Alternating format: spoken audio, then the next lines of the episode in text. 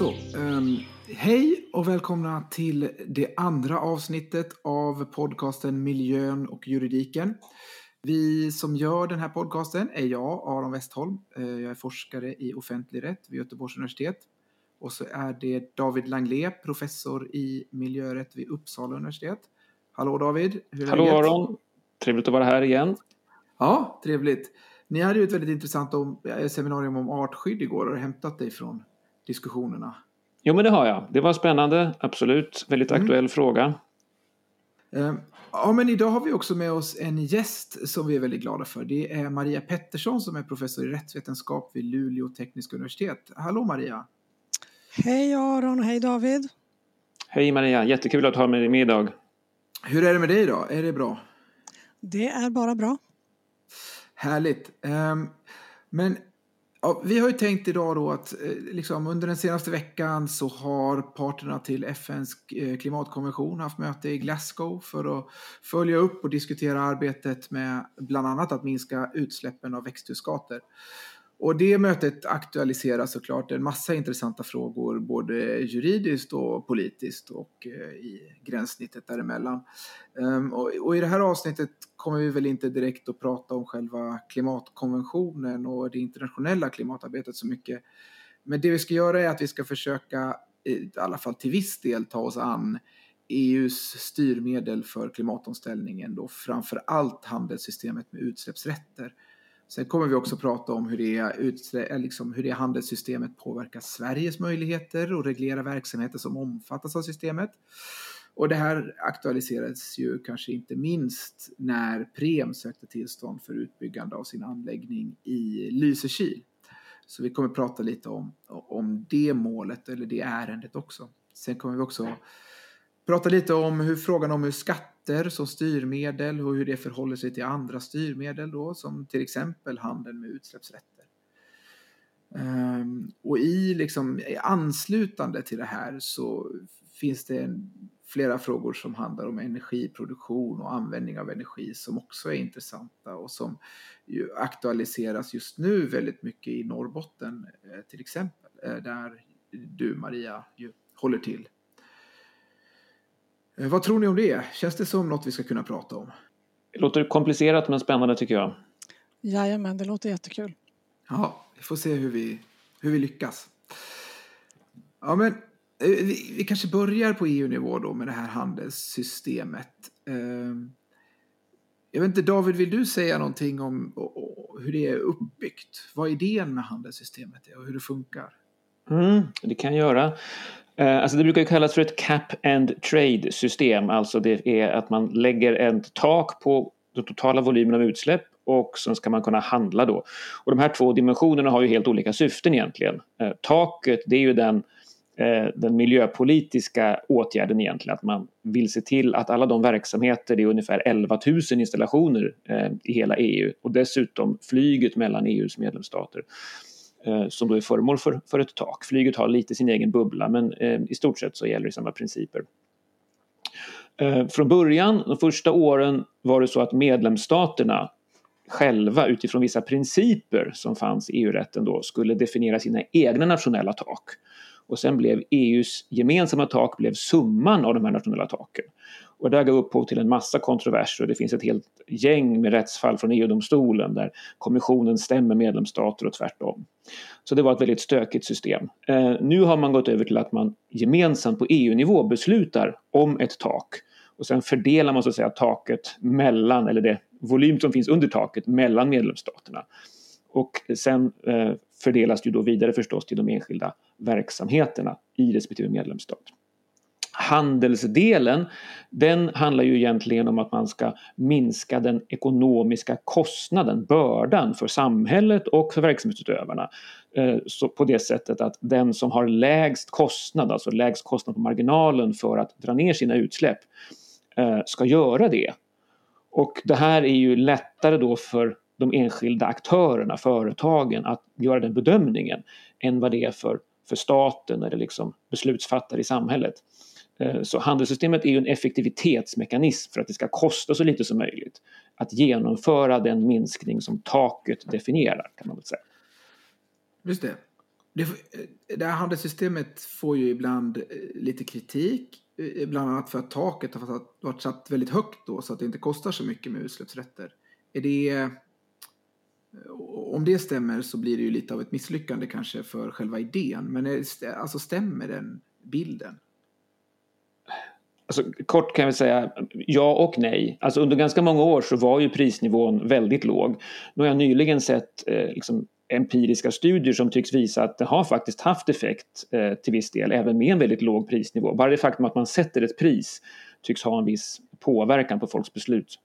Nu på sista tiden har ju, har ju priset gått upp väldigt radikalt så nu börjar vi ju närma oss nivåer där man verkligen, där man så att säga, från början har tänkt att priset ska ligga.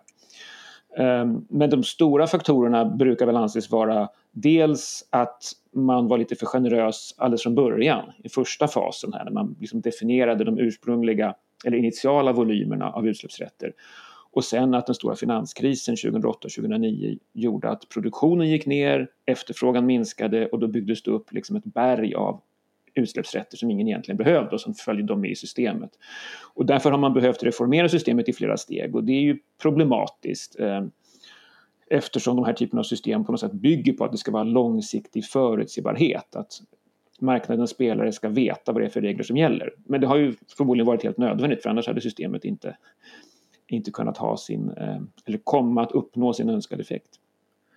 Ja, en, en annan sån sak som man ofta hör det handlar ju om att ja, men vi kan lika gärna, eftersom vi har det här systemet så kan vi, om, om inte vi använder våra utsläppsrätter och släpper ut här då kommer någon annan göra det så det spelar ingen roll eftersom taket sätter gränsen.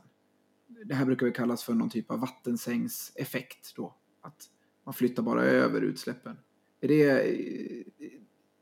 är det också en liksom hur ser du på det? Är det, är det relevant kritik eller om det nu är kritik?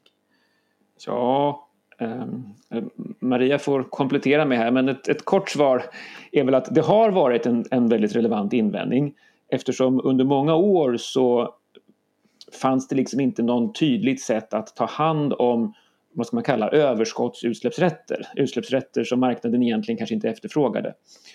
Nu har man för några år sedan reformerat systemet och infört något man kallar för marknadsstabilitetsreserven bland annat. Och det här gör ju då att det finns faktiskt en mekanism för att fånga upp utsläppsrätter eh, som man då utifrån en definition av vilken, vilken volym av utsläppsrätter man tänker sig på marknaden då kan liksom lägga eh, i en reserv så att de inte tillförs marknaden och sen kan de också annulleras. Eh, det här blir aktuellt från 2023 har jag för mig.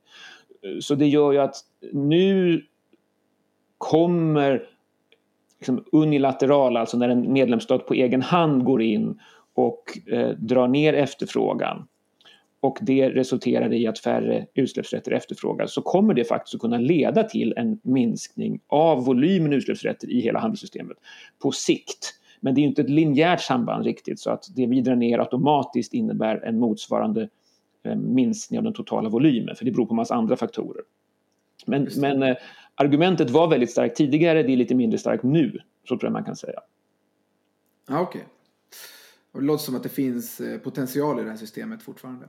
Helt enkelt. Jo men det gör det ju, inte minst nu när jag tittade i morse. Alltså nu är priset på utsläppsrätter, sådana här futures, eh, uppe i 60 euro ungefär. Alltså, det är ju nivåer vi inte har sett förut eh, alls. Eh, vi har ju vant oss, ja, först hade vi vant oss vid att det låg och skvalpade mellan 5 och 10 euro under ett antal år och sen har de legat kanske 20, kring 25 någonting. Mm. Så nu har det verkligen tagit fart prisbildningen. Det finns ju också andra typer av styrmedel som man kan tänka sig som skatter och så. Eh, ska man tänka vad är skillnaden på ett sånt här handelssystem och, och, och skatterna? Maria, har du, jag tänker mig att du har en annan tanke om skatter som styrmedel. Ja, alltså först vill jag bara säga att jag tilltalas av den här idén att det här handelssystemet nu faktiskt fungerar därför att det, eh, det är egentligen Alltså I sin teoretiska form så, så har det, det här EU-systemet många eh, faktorer som, som gör att det inte borde funka. Så att, säga. Så att det här som David berättar om som man har behövt göra, reformeringen, den är liksom Eh, den är förväntad kan man säga. Därför att dels är ju tanken att ett sånt här system ska vara slutet. Det ska inte komma något inflöde. Alla som, är, som så att säga bidrar till den typ av utsläpp som man vill reglera ska också vara med, vilket vi ju vet inte har varit fallet i, i EU och så vidare. Så det tycker jag är spännande. Eh, att det också är det enkelheten i det systemet som är tilltalande. Eh, och där har vi väl kanske en skillnad när det gäller skatter då.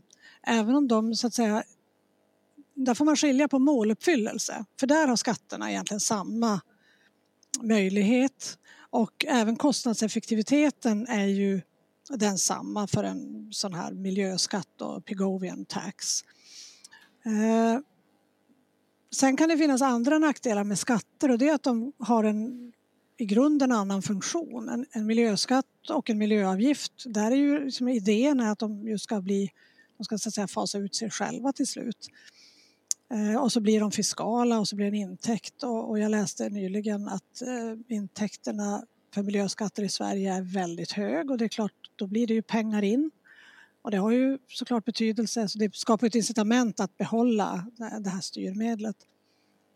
Sen finns det en annan aspekt eh, när det gäller skatter som är lite mer som bygger lite mer på, som kanske inte är så relevant för Sverige men som kan vara intressant på andra håll. Eh, och det handlar ju om hur benägna vi är att faktiskt betala skatt, alltså vilken roll skatten som styrmedel spelar för, eh, alltså vilket incitament det egentligen skapar.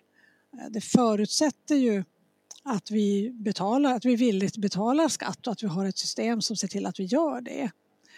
Och så är det inte överallt. Så att där kan ju ett sånt här handelssystem vara ett bättre, kraftigare styrmedel.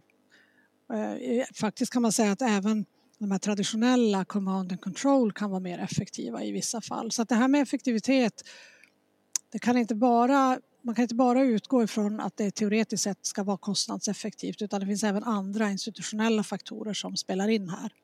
Mm. Mm. Sen är det lite skillnad på vad som så att säga är känt och okänt i de här systemen. Alltså med, med EUTS så vet ju lagstiftaren då um, vilken volym av koldioxid som kommer att få släppas ut under systemet. Däremot vet man inte på förhand prisbilden för det beror ju på eh, marknadsaktörernas eh, prioriteringar och teknikutveckling och annat. Mm.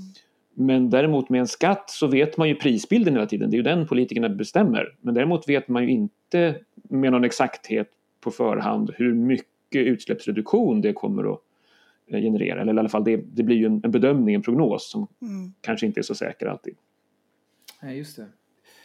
Det, det, finns ju liksom, det finns ju flera olika typer av marknadslösningar på, på, på energitillgång och så. I Sverige har vi också det här systemet med elcertifikat som går ut på att främja produktionen av förnybar energi eller nyetableringen av förnybar energiproduktion. Ehm, jag är liksom inte helt inläst på systemet, men kortfattat kan man väl säga att det funkar så att bolag som producerar förnybar energi som sol, vind och så viss del av vattenkraft, jag tror inte all vattenkraft är inkluderad, ehm, de får så kallade elcertifikat. Och sen, när de sen säljer sin el till elhandelsbolagen så betalar de också för, ja, både för själva elen men också för elcertifikaten. Eh, och på så vis så tjänar ju de här producenterna mer och det skapar, är då tanken att det ska skapa incitament för att bygga ut en sån produktion då. Och här har vi återigen en sån kostnad som kan variera för då eh, det styrs av efterfrågan. Så att om det finns väldigt lite elcertifikat på marknaden så går väl kostnaden upp och det skapar incitament för att producera ny eh, förnybar energi.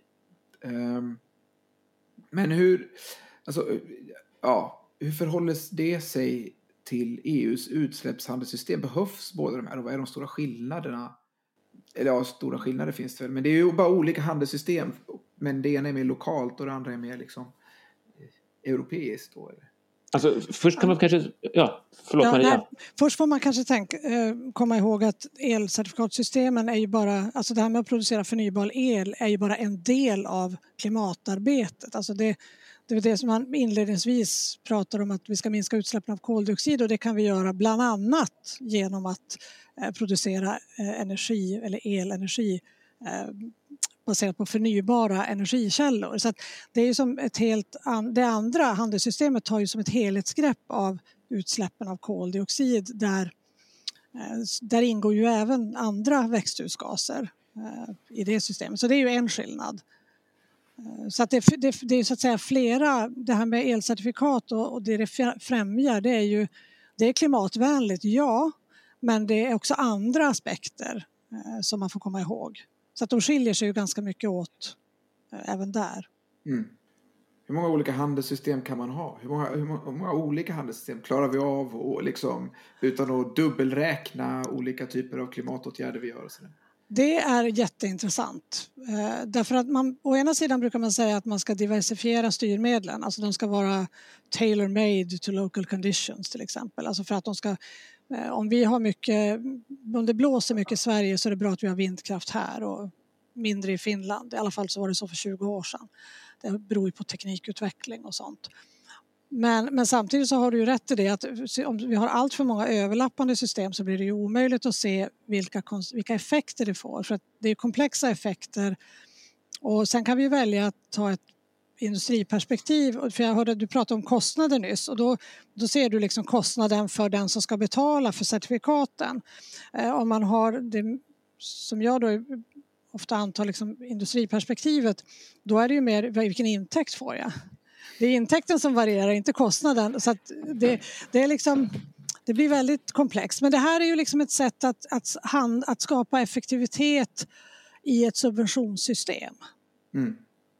Kan man säga, istället för att rent ut subventionera. Och subventioner är ju i allmänhet kan man säga dåliga om man tänker sig att man ska internalisera externa effekter som man ju försöker göra med handelssystemet och med skatterna, i alla fall med skatterna. Alltså där kostnaden för den här verksamheten den ska bäras av, av den som, som är verksamhetsutövare. Och negativa externaliteter, alltså miljökonsekvenser, ska finnas med i den interna kalkylen. Det är som en grundtanke. Eh, och att subventionera är då som per definition dåligt. Just det. Så att det förstör ju lite, det gör det skulle jag säga. Men de här elcertifikatsubventionerna då, eller man ska säga, de är ju på väg ut också, eller hur? Ja, systemet ska ju upphöra 2035 så att som jag förstår så kan verksamheter som etableras efter i år, 2021, inte längre så jag få del av den här kakan. Och det, det, är ju logiskt eftersom vi ser allt tydligare att eh, de här förnybara energikällorna är konkurrenskraftiga på liksom, normala marknadsvillkor mot annan energi. Precis vindkraften är väl ingen som tycker längre är liksom en, en, en ny företeelse som måste bäras av eh, en sån här, ett sånt här system. Sen kan väl jag tycka att det här med att det finns så många olika incitamentstrukturer, stödsystem och, och eh, så vidare. Dels tänker jag att det från något slags övergripande samhällseffektivitetsperspektiv är lite problematiskt därför att det enklaste vore väl jag tänker att, att, ekonomer brukar säga att en, en gemensam skatt på koldioxid, liksom, helst global men åtminstone inom EU eller sådär, då har vi transparens, tydlighet, alla vet vad som gäller. Eh, för samhället så är det minimala kostnader. Eh, men också för en verksamhetsutövare så blir det ju mycket liksom transaktionskostnader i termer av att man måste ha många, mycket hjälp med att förstå allt det här och anpassa sig till allt. Så det, det, är inte ja. kanske optimalt eh, Nej, jag håller med om det. Jag håller med om det och jag menade inte att man ska ha olika styrmedel för att komma åt samma sak. Utan jag menar att man ska ha olika styrmedel för miljöfrågor. Alltså att mm. miljöfrågorna som sådana kommer att tarva. Har du kemikalier till exempel då kanske det är avgifter som, som är mest lämpligt. På, på köp till exempel. Det kan vara en sån, du, du måste ha producentansvar för något annat. Men naturligtvis när det gäller klimatfrågan då skulle vi nog absolut vara betjänta av från alla perspektiv att vi hade ett tydligt styrmedel som dessutom var väldigt långsiktigt eh, så att man kan anpassa sig. För att när det gäller teknologisk utveckling, eller teknisk utveckling och anpassning så är ju det helt avhängigt. En investering är ju avhängig att du får göra det här under överskådlig tid. Och där kommer också diskussionen om tidsbegränsade tillstånd in. Eh, att det, det, skapar liksom en svårighet för investeringar om du börjar tidsbegränsa tillstånd. Samtidigt så finns det andra annat, annat som talar för det så att säga. Men investerare kan ju dra sig ur om, i en sån situation. Det var ju till exempel fallet med batterifabriken. Alltså där, där ville man ett tidsbegränsat tillstånd. Det, skulle, det fick stora investerare att dra åt sig öronen om de skulle göra den här investeringen överhuvudtaget. Så att, långsiktighet är viktigt. Ja. Ja, det är ju en väldigt intressant fråga. Vi diskuterade ju de här tidsbegränsade tillstånden lite i förra avsnittet när vi pratade om Cementa också. Mm. Att man kan liksom se behovet av dem men samtidigt så kan ju vattenkraften kanske tjäna som en illustration över utmaningarna med eviga tillstånd och vad som kan hända då. Verkligen. Förlåt, får jag bara komma in med en, en liten sista reflektion kring, kring det handelssystemet. Alltså, eh, som vi sa tidigare, prisbilden har varit alldeles för låg, eller priset har varit alldeles för lågt under många år, mycket lägre än prognoserna. Sam, och, och systemet har utmålats ofta som liksom ett, ett misslyckande på olika sätt. Samtidigt så har ju utsläppen från de industrier som omfattas, den så kallade handlande sektorn, har ju minskat i linje med vad man har tänkt att systemet ska åstadkomma. Eh, och det på något sätt visar ju då att delvis kanske systemet har haft en viss effekt trots låg prisbildning men också att man haft så många andra styrmedel har ju säkert gjort då att de har istället bidragit till den här förändringen och teknikutveckling och så vidare. Så det, är ju lite, det blir ju svårt också att veta vad som är liksom kausalsambanden på något sätt här. Det, det är precis det som det här EU-systemet innebär. För att det, det, finns ju ett gammalt sånt här sulfur dioxide program eh, som man hade i USA som är förlagan till den här idén om handelssystem som började med Kyoto eh, protokollet. Eh, och där var det då bara utsläpp av svaveldioxid från kolförbränning. Och långsiktigheten i det systemet, alla, alla aktörer var inkluderade så att det var verkligen en cap och man hade sänkningen av taket var klar för period två redan när man startade period ett. Så att verksamhetsutövarna hade väldigt klart för sig vad de skulle åstadkomma, vad som skulle komma att krävas av dem framgent. Och det är klart, då har man då en ekonomi som tillåter att man byter ut tekniken, då nådde man ju målen för period två redan i första perioden. Eh, så att eh, det är klart att eh, det finns potential i ett sånt här system eh, just för att, för att det är enkelt. Även om det nu naturligtvis inte är enkelt. nej. Men... Nej, nej ta det David. Ja, bara en, en, apropå det här med enkelt. Det är ju lite roligt, som, som jurist så tenderar vi att se de här systemen som väldigt juridiska. Eh, samtidigt talar man med många andra ekonomer och så får man veta att det här är ju ekonomiska styrmedel. Eh, och klart att för beslutsfattaren i slutändan så är det ju priset som är avgörande för vilket beslut man fattar när man ska investera i ny teknik och så vidare. Men vi ser ju att det är väldigt mycket och ganska snårig juridik som man måste eh, tränga igenom för att liksom greppa hur systemen faktiskt funkar eller inte funkar.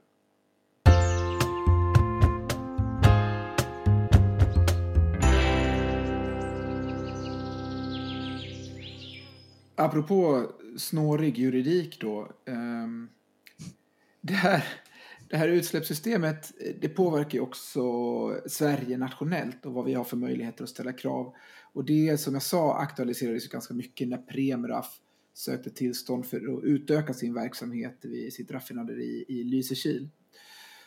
Och det handlade om att de ville kunna omvandla en, vad ska man säga, kanske en restprodukt eller det som inte lyckades raffineras, deras tjockolja som de skulle eh, omvandla då till drivmedel som skulle ha en mycket lägre svavelhalt än vad den tidigare hade haft.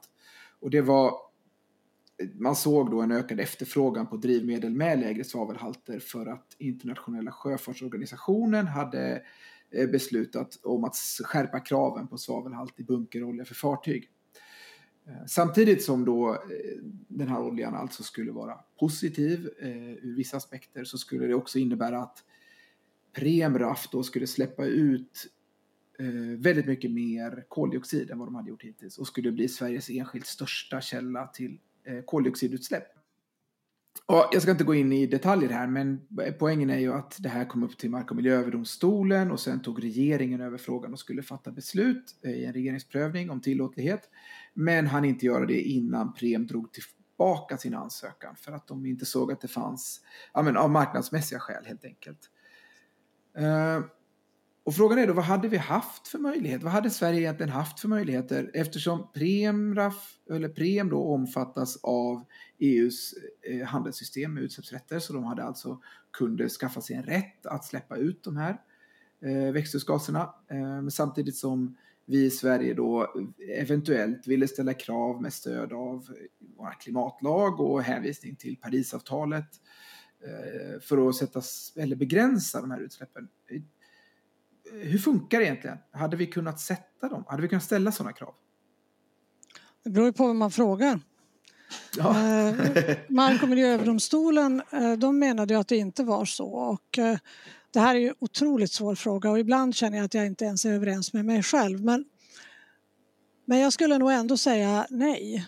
Eh, alltså, och det är lite grann på grund av det vi nyss har pratat om den här eh, ekonomiska enkelheten då om vi säger så, även om det är juridiskt snårigt. Och det är mer genomförandet som blir snårigt med handelssystemet är ju tilltalande. Och om det är så att man menar att en koldioxidskatt som, som skulle liksom slå globalt skulle vara det mest effektiva eh, då får man ju se det, alltså då måste man se det ur det perspektivet. Och, och då kan vi liksom inte hålla på att försöka hitta omvägar där man ändå så att säga ska reglera den här verksamheten trots att den redan är reglerad. Alltså, jag vet, jag, så för mig så blir det det lutar åt att jag tycker nog inte att eh, det ska gå att göra på det sättet. Att man liksom underminerar då systemet på något vis? Ja, dels underminerar man, man skapar också en väldig osäkerhet. Ja. Du skapar en otrolig osäkerhet på marknaden om, du, om det här plötsligt ska hända. Och dessutom inom befintlig lagstiftning. Jag menar, ja, om man nu tänker sig att man vill ha en avvägningsregel för klimatet och så vidare som, som då skulle, där, där de som eh, jobbar på ett sätt som bidrar till att bekämpa klimatförändringarna eh, på något sätt skulle få en, ett företräde i prövningen, det är ju en sak. Men just det här bestraffandet då som det handlar om med, med de här styrmedlen, det kan ju inte ske på olika sätt och eh, hur som helst. Alltså jag, jag, tycker liksom att om vi har valt det här systemet och vi har valt att lägga koldioxidutsläppen från alla Sveriges eh, anläggningar och verksamheter som ingår i handelssystemet där. Mm. Då kan vi ju inte sen komma och säga, nej men vänta nu här. Nu vill vi ändå med stöd av ett politiskt beslut eh, göra på ett annat sätt. Det, det blir för osystematiskt tycker jag. Ja. Jag, jag lutar nog åt samma håll. Um, man kan ju angripa det på många olika sätt. Man kan ha ett så att säga, övergripande principiellt resonemang, sen kan man gå in och titta på enskilda detaljer i skrivelser, eh, i, i, förå, eller vad heter det, i EU-direktiv och så vidare. Eh, ganska mycket resonemang kretsar ju kring den här frågan att i direktivet och också i svensk rätt så står det att man får inte, för verksamheter som omfattas av handelssystemet så får man inte eh, föreskriva villkor avseende utsläpp av då bland annat koldioxid. Och då är frågan, nej men att, att säga blankt nej till en verksamhet är kanske inte att föreskriva ett villkor utan det är något annat. Men det är ju lite hårklyveri kan jag tycka, för poängen med det här förbudet mot villkor är ju just att det är handelssystemet som ska utöva sin effekt och ja. att man inte ska ha en sån här command and control-reglering. Eh, samtidigt kan man ju kunna kanske säga då att ja, men i ett läge av, av liksom, om, vi, om vi säger att det är en akut liksom, klimatkris, vi måste leta efter oortodoxa instrument. Men då är fortfarande invändningen, kan vi se att det blir någon konkret minskning av utsläppen genom att vi säger nej till en specifik verksamhet eller förändring av en specifik verksamhet inom handelssystemet? Alltså Kanske tror... på marginalen, men det är liksom för osäkert tycker jag. Ja, det, för, och det skapar ju dessutom framgent en massa... Ska vi, ska, när, är den här, när har vi den här krisen? När är det tillräckligt? Alltså det, det blir väldigt många godtyckliga parametrar som på något sätt kan då vägas in eller inte. Och den här med villkoren, jag, jag håller med om det. Alltså det är klart, man kan läsa den skrivningen på det sättet att man kan stoppa verksamheten då. Men då får man ju så fundera, vad det, kan det ha varit idén bakom det här? Alltså det, jag har väldigt svårt att tro att man, givet vad, vad det här handelssystemet syftar till, att, att skapa ett tak där, vissa, där de verksamheter ska ingå och det ska vara den enda regleringen av dessa verksamheter just för att skapa en förutsägbar eh, kostnadseffektiv reglering av det här, alltså någon sorts semi-ekonomiskt eh, styrmedel. Kan idén ha varit att vi ska kunna komma undan det? Det tror inte jag. Jag tror inte att, att det var tanken.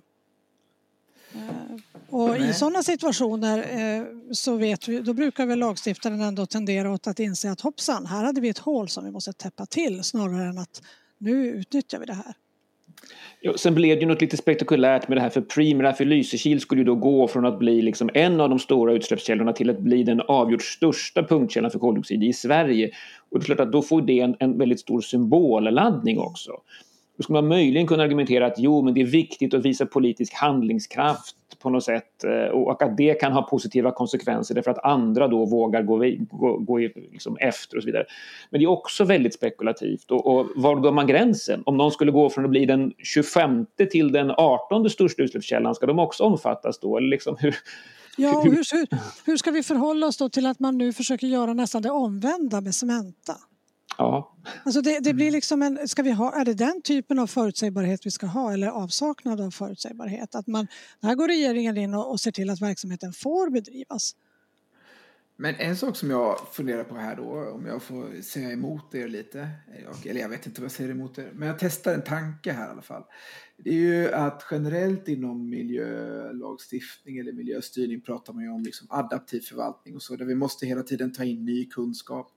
Och samtidigt vet vi att klimatförändringarna och så, där kunskapsläget förändras hela tiden. Även här, att vi liksom får uppfattningen att ja, men den här krisen är mer akut än vad vi har trott att den var bara för 5-10 år sedan. Och då i utsläppshandelssystemet, det har ju längre tidsskalor inbyggt. Så att då kanske det är, om, om vi samtidigt ser att ja, men, utsläppshandelssystemet eh, det har för höga tröst, eller för högt tak. Det, det liksom hjälper oss inte att uppnå de här målen. Eller det kanske hjälper oss att uppnå målen men inte utifrån hur kunskapsläget ser ut idag. Behöver man inte kunna ha möjligheter då för annan typ av förvaltning? Ja, eller ska man skruva åt taket?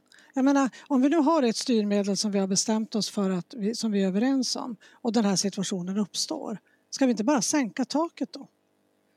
Jo, det, det är väl eh, kanske rimliga, men då kanske man inte ser den vägen som framkomlig på samma sätt. Men då blir det ju å andra sidan att Sverige ska på något vis eh, unilateralt sänka sitt eget tak. Det, det blir underligt. Men klimatkrisen, den, när den pågår så kommer ju effekterna inte att vara störst i Sverige. Jag tänker att det här är ändå en global fråga där konsekvenserna är långt större på andra håll. Eh, absolut, jag menade mer att Sverige att man inte ser att liksom, om vi vill då gå före med sänkandet av taket. Jo, men nej, men alltså, jag, förstår, jag, jag, förstår ditt eh, perspektiv. Alltså det, man kan ha det perspektivet och det är ju som sagt ingen fråga där man måste egentligen tycka samma sak utan det beror ju väldigt mycket på perspektiven. Jag menar, om du tänker den gröna omställningen, industrins gröna omställning, där kan man ju hävda att det är ingen grön omställning.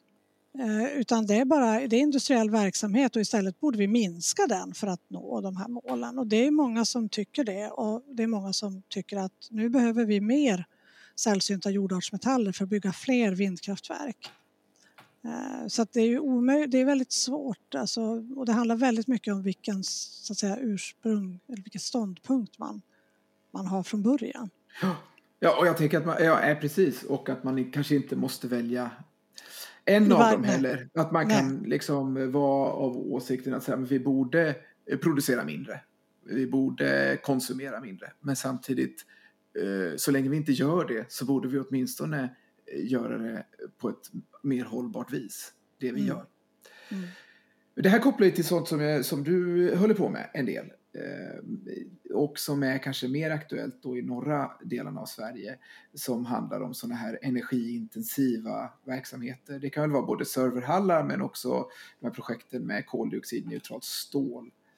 Eh, det är ju, jag tycker ju det här koldioxidneutrala stålet är extremt intressant. Men det förstår jag väcker också ganska nya konflikter, eller kanske gamla konflikter på nytt. Ja, det gör det.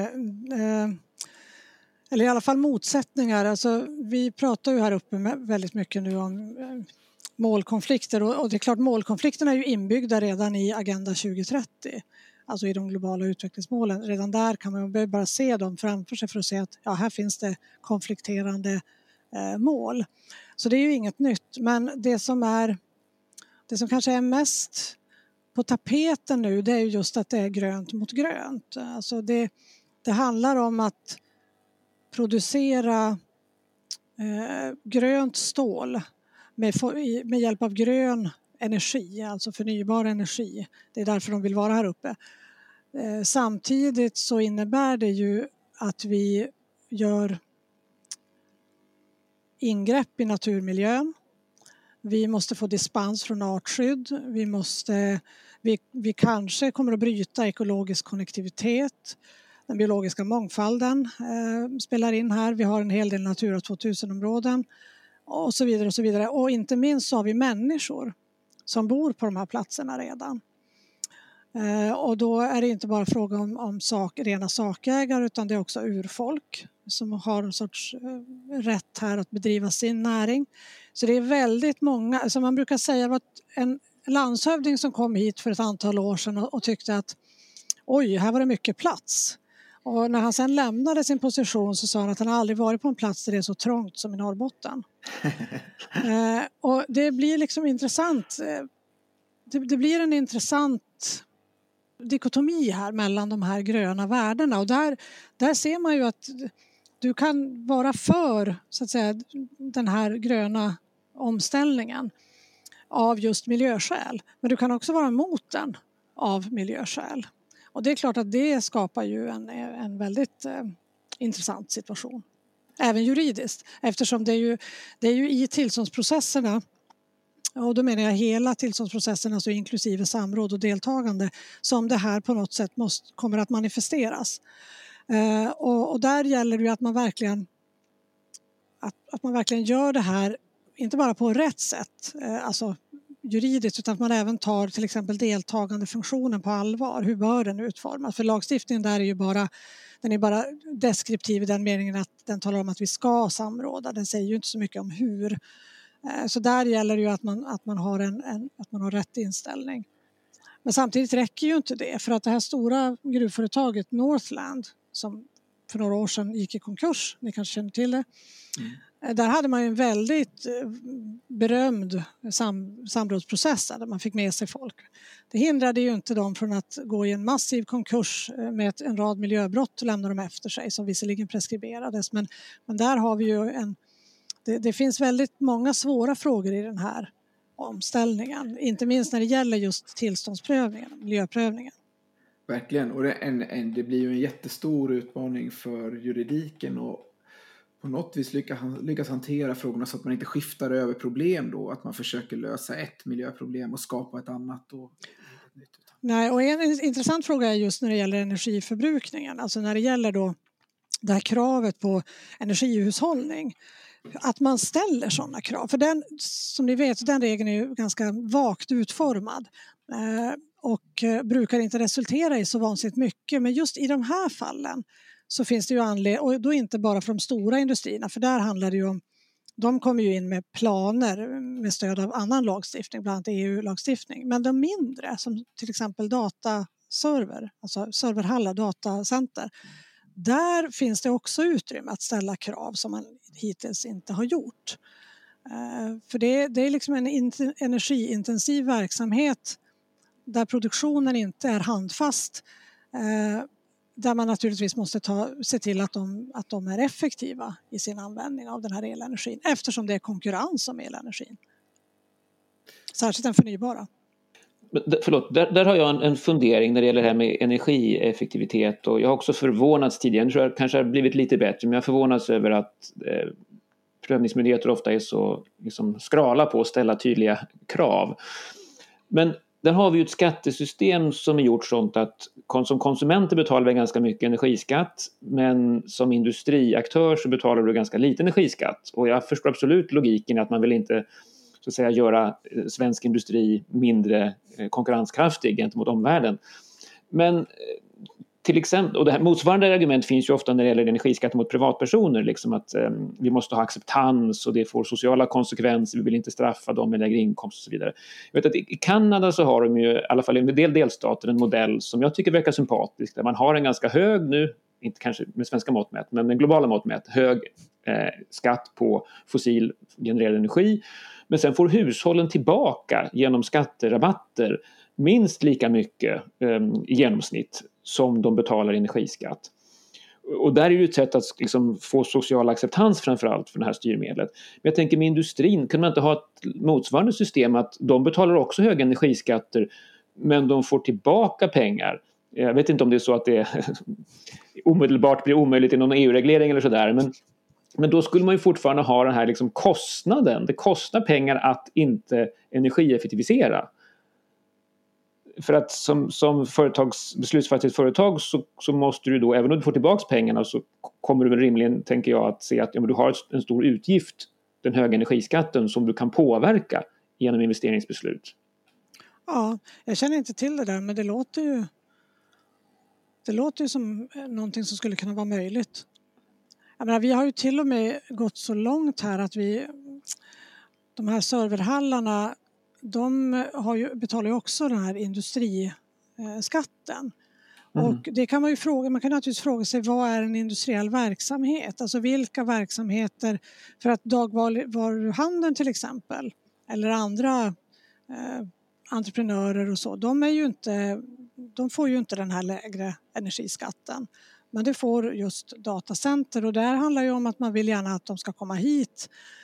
Eh, man vill att de ska etablera sig här för att det är både det är arbetstillfällen och det är eh, ar, alltså arbetstillfällen men det är också eh, befolkningsökning här uppe och, och, det finns många fördelar med att placera dem i ett kallt klimat för du tjänar ju igen det, alltså globalt så, så blir, kan du ha frikyla då behöver du åtminstone inte kyla ner den restvärme som kommer av att du har de här servrarna stående och det är ju ett väldigt tungt argument. Men det är klart att det du ta talar om skulle naturligtvis vara ett lika stor, en lika stor morot då för de här företagen kanske att etablera sig då. Frikyla, det är ett fint ord för att det är kallt för det mesta, eller? Ja, precis. Ja. Du, om man tänker sig då, om du tar Facebooks eh, serverhallar här så de har ju inga, man har ju försökt fixa det där då tekniskt så att de har inga höljen, servrarna, utan de är tomma mm. på höljen. Uh, och uh, som sagt, de konsumerar väldigt mycket elenergi. Vä väldigt mycket pratar vi nu om här. Uh, och sen så alstrar de dessutom väldigt mycket värme. Och om de står på en plats där det inte är kallt så måste den värmen som alstras också kylas bort. Så, att säga. så då behöver du mm. energi igen. Uh, och där använder man ju då frikyla för att just den här alstrade värmen ska gå bort. Den har dessutom inte särskilt hög kvalitet, i alla fall inte de här tidiga. Så att den är inte så användbar den här restvärmen. Det är inte som, vi har ju fjärrvärme här uppe, i mm. alla fall i Luleå från, från SSAB då. Den är ju höggradig så att säga, den går ut på elnätet och funkar för alla. Men, men just den här restspillvärmen är ju inte så där effektiv då. Ganska låg eh, form av energi och, och den, men den kan ju naturligtvis användas till något. Man kan till exempel bygga växthus. Mm. Eh, nu använder de den för att värma upp en del lokaler och sådär men, men kraven var Eh, lågt ställda skulle jag säga. Mycket lägre än vad man hade kunnat göra och får vara lite innovativ här om vi ska ha den här typen av verksamhet eh, tycker jag. Lagstiftaren, lag, rättstillämparen bör, bör vara lite på tå där. Ja, intressant med dålig värme. Dålig kvalitet på värme. Nej, dålig kvalitet på energin. Ja, på energin. Ja. Och då, värme är ju som den lägsta formen av energi så att säga.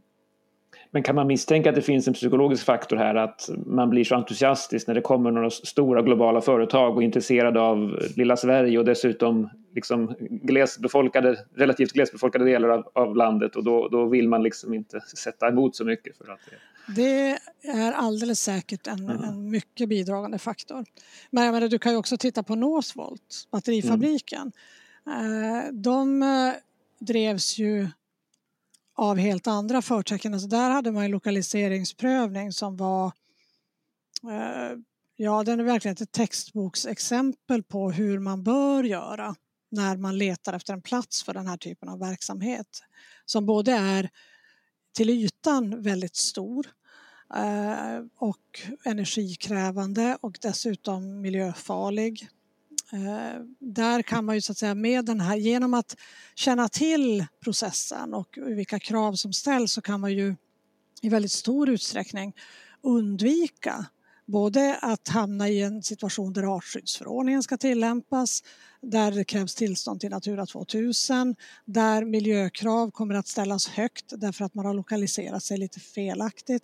Alltså här, man kan om man är lite förutseende göra ganska mycket för att få en ganska enkel prövning skulle jag säga. Och där är Northvolt ett väldigt bra exempel. Det är ju väldigt skönt att höra att det verkligen att det går att säga, både då, ta ansvar som verksamhetsutövare men också då att, att systemet eh, möjliggör att man kan få, som du säger, en förhållandevis smidig prövning då ändå. Precis, men det gäller ju då inte platsspecifik verksamhet och det är ju där de stora mm, mm. frågorna egentligen ligger, alltså täkter och gruvor. Just det. Det är många spännande frågor som aktualiseras och nu också i nästan liksom mest i norra Sverige då, det är så många olika industrier som vill etablera sig. Det blir spännande att se utvecklingen helt enkelt. Mm. Men eh, jag tror att vi kanske börjar runda av här då. Eh, superkul att du ville vara med. Det här var ju jätteintressant att prata om de här frågorna. Tack så jättemycket. Ja, stort tack Maria. Tack så mycket för att jag fick vara med. Mm. Vi återkommer säkert fler gånger. Um, ja, och tack till alla som har lyssnat. Vi hörs, uh, vi ska inte lova exakt när, men vi hörs igen. Uh, tack så mycket. Det gör vi. Ha det bra. Hej då. Hej då. Hej då.